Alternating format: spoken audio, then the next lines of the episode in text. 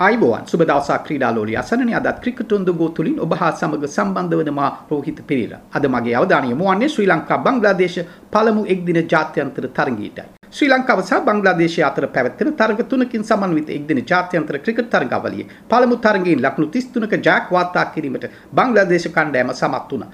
ඩකාශරේ බංගලා ජාත්‍යන්තර ක්‍රිකට් ක්‍රීඩාංගණයේ පැවති මෙම තරගයේ කාසිය වාසිය හිමි කර ගැනීමට සමත් වුණේ බංග්ලාදේශ කණ්ඩායමේ නායක ටමීම් ඉක්බාල්. ඔහු මුලින්ම ලකුණු රැස් කිරීමට තීරණය කළා. මෙම තනතිරුව මන්දගාමී ස්වභාවයක් දැක්වූ හේයින් බංග්ලාදේශ පිටකරුවන්ට එතරම් පහසුවෙන් ලකුණු රැස් කිරීමට අවස්ථාවක් ලැබුණේ නැහැ.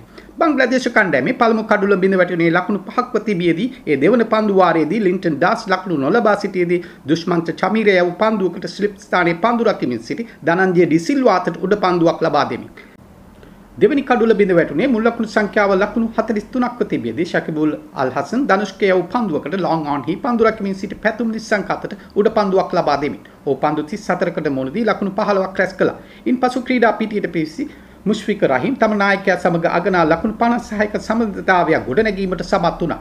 අගනා පන්දු යීමක නිරත වුණු ධනංජය ඩි සිල්වා 23 වන පන්දු වාරයේදී නායක ටමීම් ඉක්බාල්ගේ කඩුල්ල ලබා ගැනීමට සමත් වුණේ කඩුල්ල මුවා කිරීමේ වරදට හසු කර ගනිමින් මුල් ලකුණු සංඛ්‍යාව 99ක්ව තිබියදී ඔහු ලකුණු 52ක් රැස් කළේ පන්දු 70කට මුහුණ දෙමින් එයට හතරේ පහර හතරක් සහ එක් හයේ පහරක් ඇතුළත් වුණා.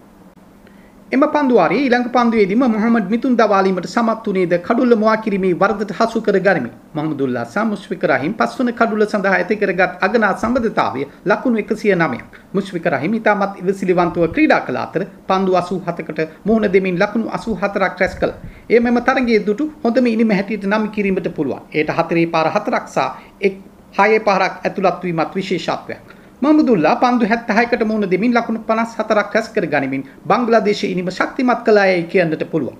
බංග්ලාදේශ කණ්ඩායමට තමන්ට නියමිත පන්දු වාර 50 අවසානයේ කඩු 6ක් පමණක් දැවි ලකුණු 257ක් ලබා ගැනීමට සමත් වුණා. පන්දු යීමේදී ධනංජය ඩි සිල්වා දක්ෂ පන්දු යීමක නිරත වෙමින් ලකුණු 45කට කඩලු 3ක් බිඳ හෙලීමට සමත් වුණු අතර දුස්මන්ත චමීර ධනුෂ්ක සහ ලක්ෂන් සඳකැන් එක් කඩුල්ල බැගින් ලබා ගත්තා.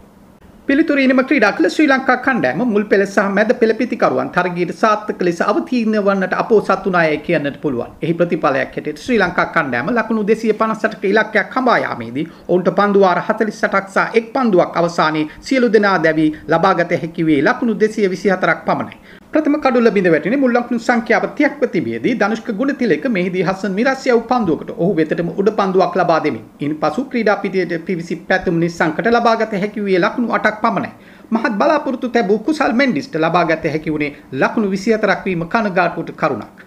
නායක කුසල් ජනිත් ලකුණු 30ක් ලබා තිබෙදී දෙවිගේ 22 වන පන්දු වාරයේදී හසන් මිරාසිය වූ පන්දුවක් කෙලින්ම කඩුලේ වැදීමත් සමගයි. ධනංජය ද සිල්වා ලකුණු 9කටත් අශින් බණ්ඩාර ලකුණු 3කටත් දෙවි ගියා. දසුන් ශානක රැස් කළේ ලකුණු 14ක් පමණයි. ඉන් අනතුරුව ක්‍රීඩා පිටියට පිවිසි වනිදු හසරංග බිඳ වැටී තිබූ ශ්‍රී ලංකා ඉනිම නගා සිටීමට ගත් ප්‍රයත්නය සහ ඔහුගේ අනගි පිතිකරණය ලෝපුරා සිටින ක්‍රීඩා ලෝලින්ගේ මහත් පැසසුබට ලකුණායයි කියන්නට පුළුවන්. ඔහු දසුන් ශානක සමග හත්වන කඩුලට ලකුණු 47ක සම්බන්ධතාවයක්ද ඉසුරු උදාන සමග අටවන කඩුලට ලකුණු 62ක සම්බන්ධතාවයක්ද ගොඩ නැගුවා.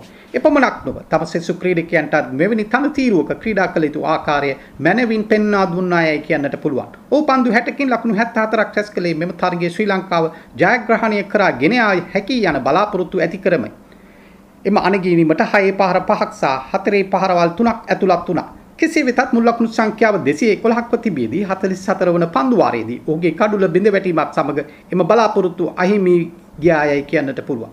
වනිති හසරංගගේ මෙම සටන්කාමී පිතිහරබය ලෝපුරා සිටින ක්‍රීඩා ලෝලින්ගේ පැසසුමට ලක්ුණා පමණක් නොව මා මෑතකදී දුටු හොඳම සටන්කාමී ඉනිම වීමත් විශේෂත්වයක්. ඔහුගේ මෙම අර්ධ ශතකයේ එක් දින ජාත්‍යන්තර තරගයකදී ඔහු ලබාගත් දෙවන අර්ධ ශතකයේද වුණා. පන්දුවීමේදී අගනා පන්දුවීමක නිරත වුණු දඟ පන්දු යවන මෙහිදී හසන් මිරාස් සිය පන්දු වාර 10 නිමා කළේ ලකුණු 30ක් පමණක් ලබා දී කඩලු 4ක් දවාලමි. ධනුෂ්ක ගුණතිලක කෝසල් ජනිත් පිරිරා ධනංජිද සිල්වා සහ අශින් බණ්ඩාර ඔහු ලබාගත් කඩලු අතරට අයත් වුණා. මුෂ්ෆික රහමාන් කඩු තුනක් සහ මොහමඩ් සයිෆුදීන් කඩලු දෙකක් දවා ගනිමින් බංග්ලාදේශ කණ්ඩායම ජයග්‍රහණය වෙත ගෙන ගියා. තරග තුනකින් සමන්විත මෙම තරගාවලියේ දෙවන තරගයේ මෙම ක්‍රීඩාංගණයේදී මේ මාස 25 වන දින දිවා රාත්‍රී තරගයක් ලෙසින් පැවැත්වීමට නියමිතයි. දෙවන තරගයේ සවිස්තරාත්මක තොරතුරු ගැනීමට බලාපොරොත්තු වෙතුව ක්‍රිකට් ඔන් ද ගෝ තුලින් ඔබගෙන් සමගන්නා මා රෝහිත පෙරේරා